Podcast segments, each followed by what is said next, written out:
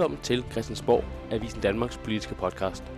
I dag der skal vi tale om Mette Frederiksens besøg i det hvide hus, hvor hun skulle forsøge at charmere den amerikanske præsident Joe Biden. Politisk redaktør på Avisen Danmark, Kasper Dahl, var øjenvidne til det scenarie. Men hvordan gik det egentlig, og hvad er chancen for, at Mette Frederiksen bliver den næste generalsekretær i NATO? Besøget har også efterhånden givet nogle rystelser her på, på Christiansborg, fordi det efterlader et magt-tomrum. Fordi hvem skal så være den næste statsminister i Danmark? Og, og hvad med posterne lige under statsministerposten? Det er noget af det, vi skal tale om ser i dag i dagens Christiansborg. Velkommen til. Nå Kasper, sæt lige nogle følelser på det. Hvor stor var det ikke lige at se Kansas City Chief Quarterback Patrick Mahomes den anden, ikke? Ja, det var det, var det du registrerede, at jeg havde, øh, jeg havde set i Washington. Ah, det er stort, ikke? Altså sådan en uh, NFL-nørd uh, som dig. Øh, altså, jeg har ved absolut intet om øh, NFL, og jeg må også øh, blankt erkende, at det var en, øh, en god kollega fra øh, Kristelig Dagblad, der var med til at, øh, at registrere, at øh, det altså var NFL-stjerne øh, på stribe, der defilerede forbi øh, øh, omkring det hvide hus. Øh, da, øh, da vi stod og ventede på øh, Mette Frederiksen, fordi øh, Joe Biden han havde et øh, hyldestarrangement til øh, Super Bowl-vinderne senere på øh, eftermiddagen. Og øh, jeg har til gengæld en, øh, en virkelig, virkelig god ven, som er sindssygt optaget af, ja. øh, af NFL, og jeg skyndte mig at sende billedet af Patrick Mahomes til ham, og han var fuldstændig blæst bagover, at, øh, at, jeg var kommet, at jeg var kommet så tæt på. Øh, det var markant mere vigtigt for ham, at jeg havde været tæt på ham, end at jeg havde været i øh, det ovale værelse. Det kan også godt være, at Joe Biden var blæst bagover og skulle, skulle møde Kansas City, men han lavede dem lige vente lidt. ja, fordi, fordi at, en, altså Mette Frederiksen øh, møde trækker i hvert fald ud. Hvad var forskellen på den Mette Frederiksen, som gik ind til Joe Biden, og den Mette Frederiksen, som så kom ud igen?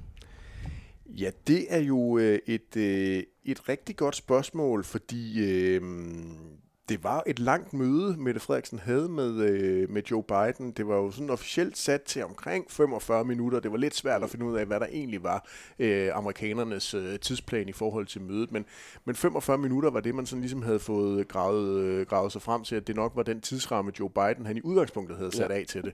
Øh, det endte jo så med at vare øh, noget mere end øh, en halvanden time. Og øh, noget af det var jo, at øh, Joe Biden og Mette Frederiksen sad øh, i ene rum og, og talte sammen ansigt til ansigt, og så var der også en stor del af, af mødet, må vi forstå, hvor øh, der blev lukket øh, embedsmænd ind, både øh, Mette Frederiksens øh, embedsmænd og også dem, som Joe Biden han havde med til mødet, og det også var med til at gøre, at, øh, at det selvfølgelig trak lidt ud. Og så skulle der også skrives i gæstebogen. Mette mm. Frederiksen var inde og skrive i det Hvide Husets øh, gæstebog. Så på den måde var der jo forskellige omstændigheder, der gjorde, at, øh, at det trak ud. Men det var jo en Mette Frederiksen, der kom... Øh, kom ud med øh, altså markant mere selvtillid, hvis man kan kalde det det, forstået på den måde, at, øh, at hun jo blev bekræftet, og det betonede hun jo enormt meget i den relation, der er mellem USA og Danmark, altså at USA jo sætter utrolig stor pris på øh, det danske engagement. Om formiddagen øh, i, øh, i Washington øh, havde hun jo været sammen med CIA's øh, øverste ledelse og diskuteret øh, samarbejdet mellem efterretningstjenesterne mm. i øh, USA og, øh, og Danmark, noget der jo har været enormt omtalt i Danmark, især det her kabelsamarbejde mellem NSA og, og Danmark, noget af det, som Claus Hjort han jo snart skal i, i retten for at have, have talt åbent om. Og der var det til synligheden vigtigt for Mette Frederiksen meget at betone, at der er ingenting at komme efter for at bruge et, øh, en gammel forgængers øh, udtryk, Anders Fogh Rasmussen. For der er blevet spekuleret i, at forholdet mellem Danmark og USA har været lidt belastet ja, af det her. Ja. Øh, så det er måske også derfor, hun har lagt væk på det. Ikke? Ja, lige præcis. Og så øh, var det jo meget vigtigt for hende også at betone, hvordan det var, at øh, Joe Biden var utrolig glad for øh, det bidrag, som Danmark øh, ydede i forhold til Ukraine, altså mm. vores størrelse taget betragtning. Og, øh, og det har uden tvivl været noget af det, der har, øh, har fyldt på, øh, på mødet. Amerikanerne er jo meget interesserede i, at øh, ukrainerne skal udstyres med F-16-fly. Ja. Og dem har vi jo nogen stående af nu, indtil vi får de nye øh, kampfly. Og øh, der øh, kunne man jo sagtens forestille sig, at de her F-16-fly, når ukrainerne er trænet i at kunne bruge dem, at det er nogen, der øh, skal doneres til dem, øh, når den tid kommer. Men, men, men da I tager dig hen til, til USA, og du tager dig hen, hvad får I at vide egentlig, det her møde skal handle om? Altså, fordi hun, hun siger jo ikke, at det skal handle om, om NATO. Øh, ja, og det siger de jo blandt andet, at det også skal officielt både fra amerikansk side og fra dansk mm. side, at det handler om forberedelsen mm. til NATO-topmødet i Vilnius der i midten af, af juli. Og det kan jo være alt muligt, der mm. kan tænkes ind i, øh, i den der. Altså den store overordnede ramme for sådan et møde her, det er jo øh, sikkerhedspolitik, øh, og det var også det, Joe Biden han øh, indledte med at sige, da han lige havde bemærket, at det var Constitution Day i, ja. i Danmark, at, øh, at han var glad for øh, den øh, indsats, som, øh, som danskerne gør i, øh, i forhold til Ukraine. Så sikkerhedspolitik og NATO var jo øh, noget af det, der blandt andet var på, øh, på den officielle dagsorden. Efterhånden så virker det til ude i den brede offentlighed, at der er enige om, at Mette Frederiksen er i hvert fald kandidat. Og hun er ikke bare kandidat, hun er en af topkandidaterne til den her post. Og det en af de, der er det vigtigste at få øh, sin opbakning fra, det er jo den amerikanske præsident. Det var også det, der var udslagsgivende for Anders Fogh dengang. Hvor sandsynligt er det, at vi her den øh, 12. juli øh, kommer nyheden om, at øh, Mette Frederiksen skal være generalsekretær i, i NATO? Altså det er jo stadigvæk fuldstændig umuligt at sætte både procenttal, et roligt procenttal øh, på, men det man kan sige, det er, at sandsynligheden er jo i hvert fald ikke blevet mindre, mm. fordi som du selv er inde på, så er det jo vanvittigt vigtigt, at hvis man har ambitioner om at, øh, at få øh, posten som øh, NATO's generalsekretær, så er en af de stemmer, der bliver lyttet virkelig, virkelig meget til, når øh, den diskussion skal tages mellem NATO's regeringsledere, det er altså den til enhver tid siden amerikanske præsidents øh, favoritkandidat, og hvem det er, at præsidenten fra USA sætter alt ind på at gøre mm. til NATO's generalsekretær.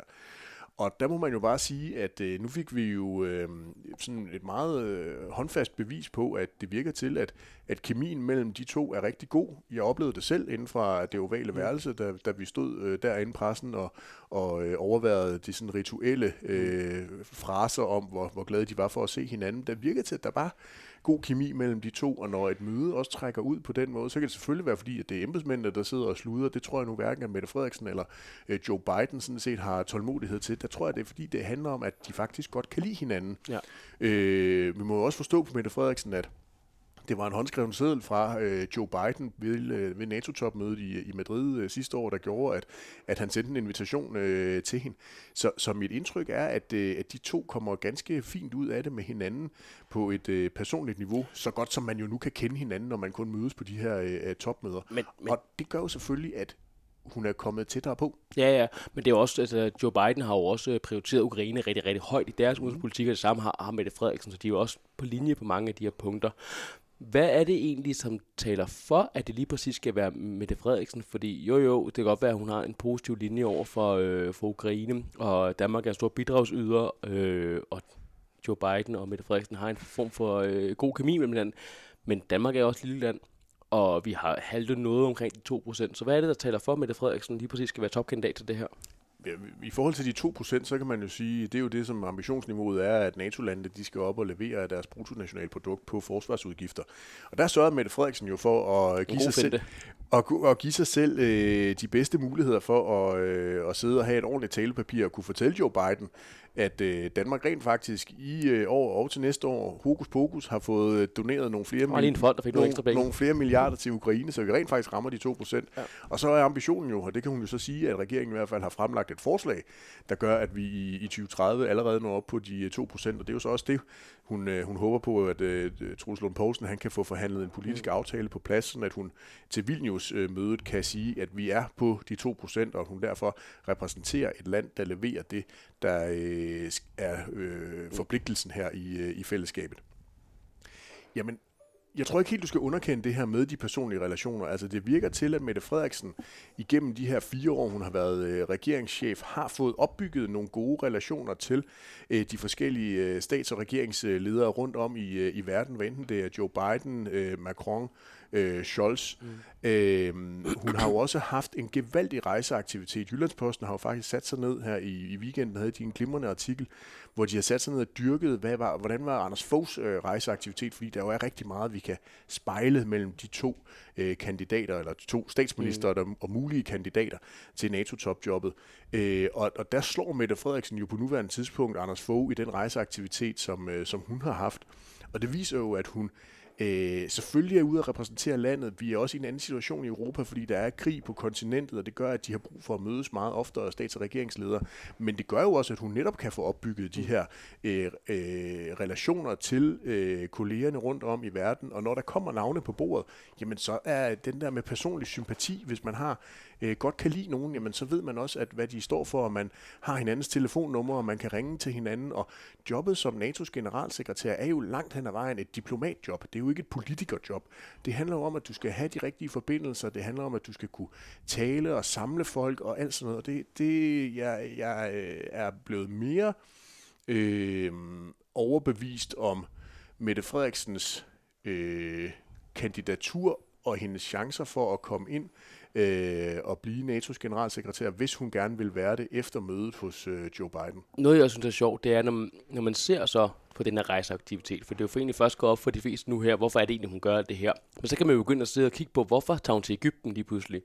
Og der er jo noget med migrationsstrømmene, og det er jo rigtig vigtigt for nogle lande i Sydeuropa. Ja. Er det så derfor, hun har været der og snakket om det? Altså det, kan man, det ved man jo ikke, men det er noget med det, man kan, kan spekulere i. Hvorfor er det lige pludselig, hun også ligger sådan et besøg ind, øh, for netop at, at pleje sine forbindelser og sige, jeg ved godt, det er vigtigt for jer i Spanien og, øh, og Italien, at, øh, at vi får styr på det her også. Ja, nu er du meget konspiratorisk øh, ja, det er meget anlagt, sådan. anlagt. Ja. Jo, men man kan sige, der er jo, der, lige pludselig viser det sig jo, at der jo måske er to sider af sådan et, mm. øh, af sådan et besøg, både i Ægypten, men jo også hos den spanske øh, premierminister ja. Sanchez, hvor hun også har været nede. Hun har også været i Italien og tale med, med premierministeren dernede, eller statsministeren, eller hvad mm. de nu kalder det.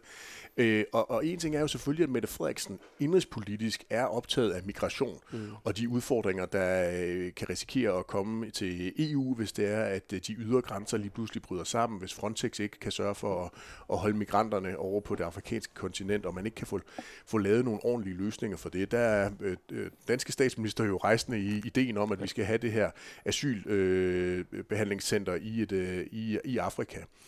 Så det er jo den ene del, men den anden del er jo selvfølgelig også, at hun kan komme ud og vise, hey, jeg er optaget af det, som I også er optaget af. Altså selvom der er langt fra øh, lille Danmark i, i nord til grænserne i syd, så er det også noget af det, som øh, optager hende, og det kan hun jo selvfølgelig også bruge i sådan en, øh, en NATO-sammenhæng. Så på den måde har der jo lige pludselig været flere årsager til, at hun har haft den her hæftige øh, rejseaktivitet, og har besøgt nogle af, af de her øh, kolleger rundt om i, i verden, hvor hun jo bare kunne, kunne have ringet, hvis det var, hun gerne ville, ville sige, at jeg forstår godt jeres bekymring omkring migration.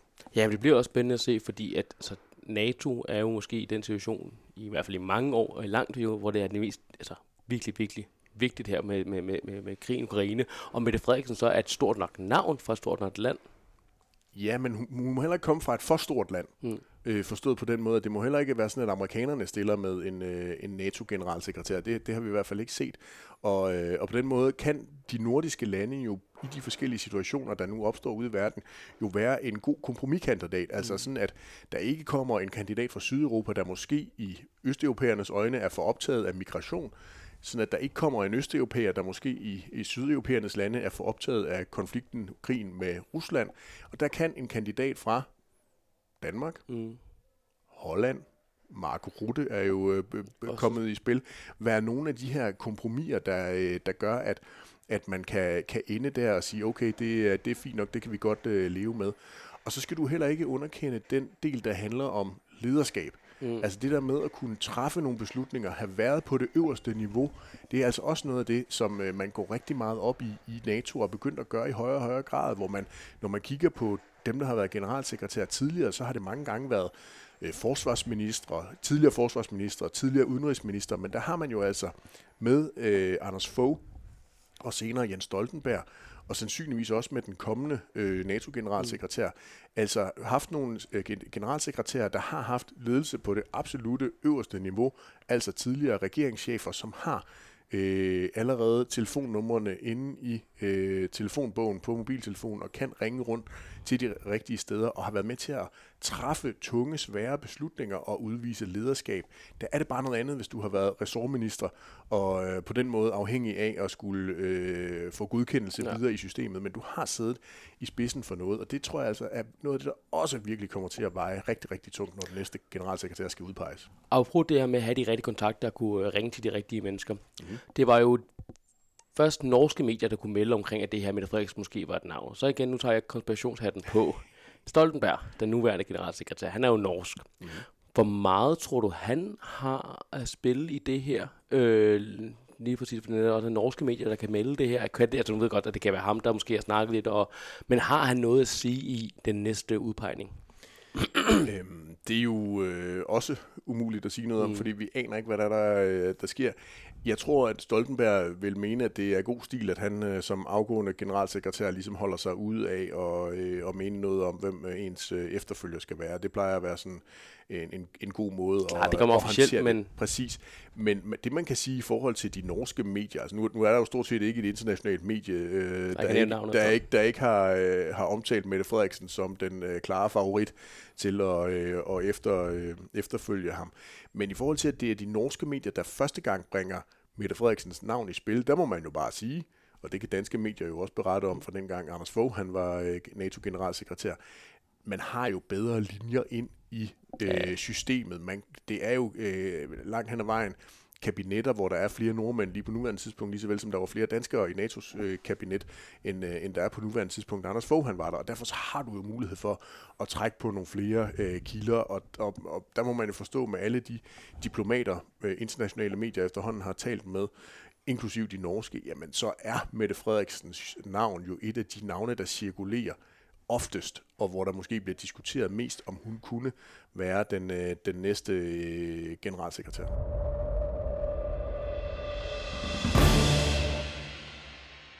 Vi fortsætter lidt øh, i, i samme boldgade, fordi at hvis det er så frem, at Mette Frederiksen, hun øh, om ikke så forfærdeligt lang tid, skifter job, så er der jo et, et magttomrum. Og det er jo sådan en dansk politik, eller bare politik i almindelighed, det er, at man får ikke magt. Det er noget, man tager. Og det kan man jo allerede nu her begynde at mærke, kan man ikke det, Kasper, at der er begyndt at blive, der bliver spillet på magten han. Jo, og man skulle jo egentlig tro, at det måske var nogle socialdemokrater, der stod på spring for at prøve ja. at fylde øh, det der tomrum øh, ud. Men det er der. dansk politik største showman, der har igen har taget rollen. det er Lars Lykke, der, der, der springer til, men jeg synes faktisk, det er lige, hvis jeg lige må knytte en kommentar til det, jeg synes faktisk, det er værd at bemærke, at dengang Mette Frederiksen var den ukronede kronprinsesse i Socialdemokratiet, mm. der var hun nu altså ude og have rigtig, rigtig mange forskellige interviews af alt muligt forskellige karakterer, og virkelig forsøgt at bringe sig selv i, uh, i spil som den åbenlysende aftager til Helle Thorning, hvis hun havde fået en uh, international toppost i EU-systemet, var det jo dengang. Uh, det har vi bare ikke set Hummelgaard og Nikolaj Vammen på tilnærmelsesvis samme måde være. Og det synes jeg bare er interessant, at de ligesom ikke er kommet ud af starthullerne, om de ikke tør, om de ikke vil, om de, hvad der nu lige sker. Det, det synes jeg er meget interessant at finde ud af på et senere tidspunkt. Men, men, men, men allerede her, fordi at, øh, nu kunne man bemærke i politikken her den anden dag, at Nikolaj Varme øh, angiveligvis har ringet til Lars Lykke for at høre, Ja. Hvad, hvad, er der, hvad er op og ned her?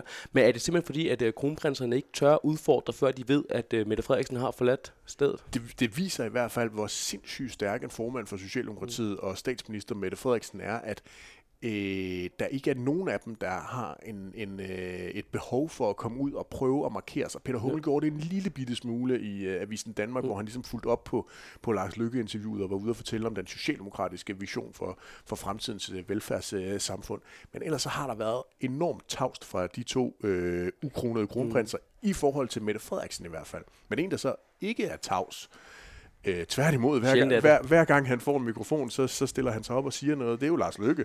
Der må man jo bare sige, at han de seneste øh, uges tid, 10 dage, har i den grad fyret den af. Øh, først da han var i, øh, i Norge i sidste uge til NATO-udenrigsministermøde, hvor han jo i øvrigt også havde en øh, et lille øh, rendezvous med Anthony Blinken, den øh, amerikanske udenrigsminister. Der vil jeg meget gerne vide, hvad han har hvad han måtte have, have sagt der om, øh, om sin nuværende chef, Mette Frederiksen, om han har skamrost hende, eller sagt, at Blinken og company skal holde snitterne fra hende. Væggen der, ikke? Altså. Skal holde snitterne fra hende, fordi at han har brug for hende øh, i regeringsledelsesudvalget ja. i, øh, i Danmark. Og så øh, senere til øh, grundlovsdag, hvor han jo også var, øh, var ude at sige, at, øh, at regeringssamarbejdet skal genbekræftes. Og hvad, undskyld mit sprog, men hvad, hvad fanden betyder det? Jamen, det er jo en, øh, en sindssygt dygtig politiker, der forsøger at bruge enhver anledning til at sikre sig mest mulig magt. Mm. Og det er jo enormt godt set af, af Lykke. Og øh, han kan jo se, at statsministeren er hun var jo i USA på grundlovsdag, men ellers ja. generelt har en hæftig øh, rejseaktivitet. Hun var i Moldova tidligere i sidste uge, og efter USA har hun været på, øh, på Grønland. Så altså, det er jo ikke, fordi hun, hun står herhjemme og, øh, og fylder ret meget i, i det danske mediebillede. Venstre øh, venter jo stadigvæk på, at Jakob Ellemann kommer tilbage, og Truls Lund Poulsen har til synligheden ikke lige det helt store behov for at bruge det der magttomrum, mm. der, der er hos, øh, hos regeringsledelsesudvalget på nuværende tidspunkt til at komme ind og, og fylde noget på, på Venstres vegne. Så Lykke, han, han, han har det jo som fisk i vandet. Han er jo øh, kongen af kaos, mm. og lige nu er der kaos i, øh, i dansk politik, og det forsøger han jo at udfylde, og det handler om, at han bare vil have indflydelse. Ja, men fordi at øh, hvad kan han få ud af det her? Fordi jo, hvis Mette Frederiksen øh, smutter, det, altså, skal man aldrig sige aldrig med Lars Lykke, men det bliver ikke, formentlig ikke ham, der bliver øh, den næste statsminister, for det er jo trods alt ikke Nikolaj Vamme, eller i, øh, som yderste odds, det er Peter Hummelgaard. Hvad, hvad får han så ud af det her med, at han siger, at vi skal genbekræfte det? Fordi der kommer jo til at være en rotation øh, på ministerholdet. Han ligger jo maksimalt pres på Socialdemokratiets næste formand. Problemet er jo bare, hvad er det, han har at true med? Ja. Og Lykke har jo ikke rigtig noget at true med, fordi hvis, hvis han truer for meget, så vil den socialdemokratiske øh, formand jo bare sige, jamen prøv at, jeg bekender mig til det her midterprojekt. Vi har lavet et regeringsgrundlag, hvis det bliver Nikolaj Vammen, så var han jo et med mm. i forhandlingerne på øh, Marienborg. Øh, og hvis du ikke vil lege med Lars Lykke, jamen så kigger jeg bare over mod Pia Olsen Dyr, øh, Maja Villassen, Franziska Rosenkilde, og så laver jeg bare et rødt ja. øh, kabinet igen er det det, du heller vil have? Og så vil hele Lars Lykkes øh, idé om en ny regering hen over midten jo fuldstændig smuldre. Så han skal, Lykke skal jo også passe på, at han ikke overspiller øh, sin kort, men han vil selvfølgelig gerne have, at de tre de skal sætte sig sammen og finde ud af, hvad er lige øh, op og ned igen, og det giver måske meget god mening efter sådan et tumultarisk øh, første halve år for den nye øh, SVM-regering, øh, at øh, når de engang kommer på øh, den anden side af en sommerferie, og hvis vi så har fået en ny statsminister, at det så er, er Vammen og Lykke og, og Ellemann, der mm. sætter sig sammen på Marienborg lige finde ud af, hvordan er det lige det her, det skal spille sammen. Det er i virkeligheden forholdsvis naturligt, og det giver rigtig god mening. Vi så det også uden sammenligning i øvrigt, da SF skiftede øh, formand øh, tilbage i Helle Thornings øh, tid, hvor øh, Ville Søvndal trådte tilbage, og SF'erne de valgte Annette Wilhelmsen. Der var hun jo op, efter hun havde kørt en, en valgkamp, hvor hun kraftigt udfordrede og undsag øh, regeringsgrundlaget, øh, så var hun jo lige en tur op forbi øh, Marienborg hos øh, Helle thorning Schmidt og Margrethe Vestager, og lige få at vide, at øh, det er altså sådan her, øh, skabet står, og øh, det kan man jo også sagtens kalde for en art genbekræftelse af regeringssamarbejdet. Ja, for det skulle sige, men er det for at tænke, at han også bare holder på, at nu kommer der en, en ny statsminister, nu skal vi lige være sikre på, at vi har den samme politik, og vi har de samme visioner, mere end det handler om, at Moderaterne gerne vil skaffe, øh, skaffe mere magt til sig. Nå, men selvfølgelig skal Lykke da forsøge at gøre det. Altså, hvis der øh, kommer øh, øh, rotation på ministerholdet, så skulle øh, Lykke da være en dårlig leder, hvis han ikke var inde og forsøge at se, om han ikke kunne få nogle endnu flere magtfulde ministerposter, men det, men eller det... få noget ny politik ind i et regeringsgrundlag. Altså, det, det, det synes jeg, jeg giver utrolig god mening, at han gør det. Det, man i virkeligheden kan undre sig over, det er, at Truls Lund Poulsen ikke er ja. øh, lige så hurtig og vaks ved, ved havelån, men han skal åbenbart ikke nyde noget af at, at stikke hånden ind i den der øh, vipserede med, med Mette Frederiksens spekulation. Men det første, du siger, det er med, at og det er en naturlig tankegang, det her med, at det, han vil gerne skaffe flere ministerposter. For eksempel. Men, men, men, men, hvorfor vil han egentlig det? Fordi når du kunne se, at han skulle stille ministerhold sidst, der kunne han ikke engang finde nogen i gruppen, Øh, og så skal han til at skaffe en udefra igen. Gider gruppen det? Eller skal det så være Monika Rubin, der skal til at være en eller anden perifær ministerpost? Nej, men der, der øh, antyder du jo, at det er fordi, det handler om, at han vil have flere poster. Det kan jo godt være, at han bare vil have nogle andre mm. poster. Altså nogen, der er mere magtfulde. Altså al respekt for ældreministeriet, så er det jo ikke ligefrem øh, et af de mest magtfulde ministerier, må man sige. Øh, det kan selvfølgelig være, at det er vigtigt i øh, Moderaternes optik, når det nu er ældreområdet Lykke, han vælger at fremhæve som et sted, hvor der kan komme øget brugerbetaling inden for, for de næste år i fremtiden fremtidens velfærdssamfund. Øh, Men det er jo ikke øh, med det øh, Kirkegaard, vi har hørt ja. ret meget fra i de første halvårs tid. Så på den måde kan jo, altså det Lykke gør, er jo bare at bringe sig selv mest muligt i spil. Han udnytter kaos-situationen, tomrummet, som du kalder det, til at forsøge at sige, okay, hvordan kan jeg komme ind og, øh, og få mest muligt ud af det til mig selv? Det der jo så også er, det er, at det er jo helt vildt, altså fuldstændig vildt, at udenrigsministeren de facto nummer to i, mm. øh, i regeringen, går ud og ikke følger det talepapir, som Mette Frederiksen ellers bruger med at sige, at hun ikke er kandidat til nogle internationale topposter, hun er glad for at være statsminister i Danmark, men at Lykke jo altså går ind og dybest set bekræfter, uden at han måske ved det, ja, ja. at statsministeren altså er øh, jobsøgende ude i den store verden, og han ligesom udlægger de første spor til, hvordan er det, den her regering den kommer videre den dag, hvor hun ikke længere er der. Altså, hvis nu Mette Frederiksen ikke får det her NATO-topjob, så kommer de jo til at skal kigge hinanden dybt i øjnene i det her regeringsledelsesudvalg og sige, okay, hvordan er det så, at vi lige kommer videre efter, at Lykke han har været ude og puste til ilden og allerede tale om tiden efter Mette Frederiksen. Det, det bliver altså nogle sjove samtaler, ja. de skal have om, hvordan det er, at regeringen den kommer videre og på en eller anden måde bliver genstartet, efter at det nu har øh, været et, et, et tumultarisk og noget humpende første halve år for den. En anden samtale, og det er igen bare spekulation, der kommer, det er, hvis Mette Frederiksen jo forlader regeringen. Altså den trive, der så også typisk skal køre, det er Truslund Poulsen, måske Jacob Ellemann, øh, Nikolaj Vammen og Lars Lykke. Hvad er magtbalancen lige der? Altså, hvis, hvis Lars Løkke kommer til at sidde med varme, og, og Jacob Ellemann, han er i forvejen nummer to, han bliver måske en, en rigtig stærk nummer to, så når der skal sidde og tage beslutninger helt øverst oppe. Altså, øh, Ellemann og Vammen skal stå rigtig tidligt op øh, for at, øh, at holde tempoet med, ja. med Lars Lykke, fordi han er virkelig, virkelig snu og han er en utrolig dreven magtpolitiker. Man når ikke alt det, som Lars Lykke han har nået i dansk politik, hvis man ikke er det. Og, øh, og det kommer til at kræve sin, øh, sin mand, det bliver det jo så på, på det her tidspunkt, når, når Vammen han sætter sig ind i, øh, i statsministeriet, hvis Mette Frederiksen hun, øh, hun smutter. Og det bliver ganske interessant at se, øh, hvordan Nikolaj Vammen vil fylde den rolle ud, men det kunne næsten være, at vi kan fylde en hel podcast med ja, det. På, på et senere tidspunkt efter sommerferien.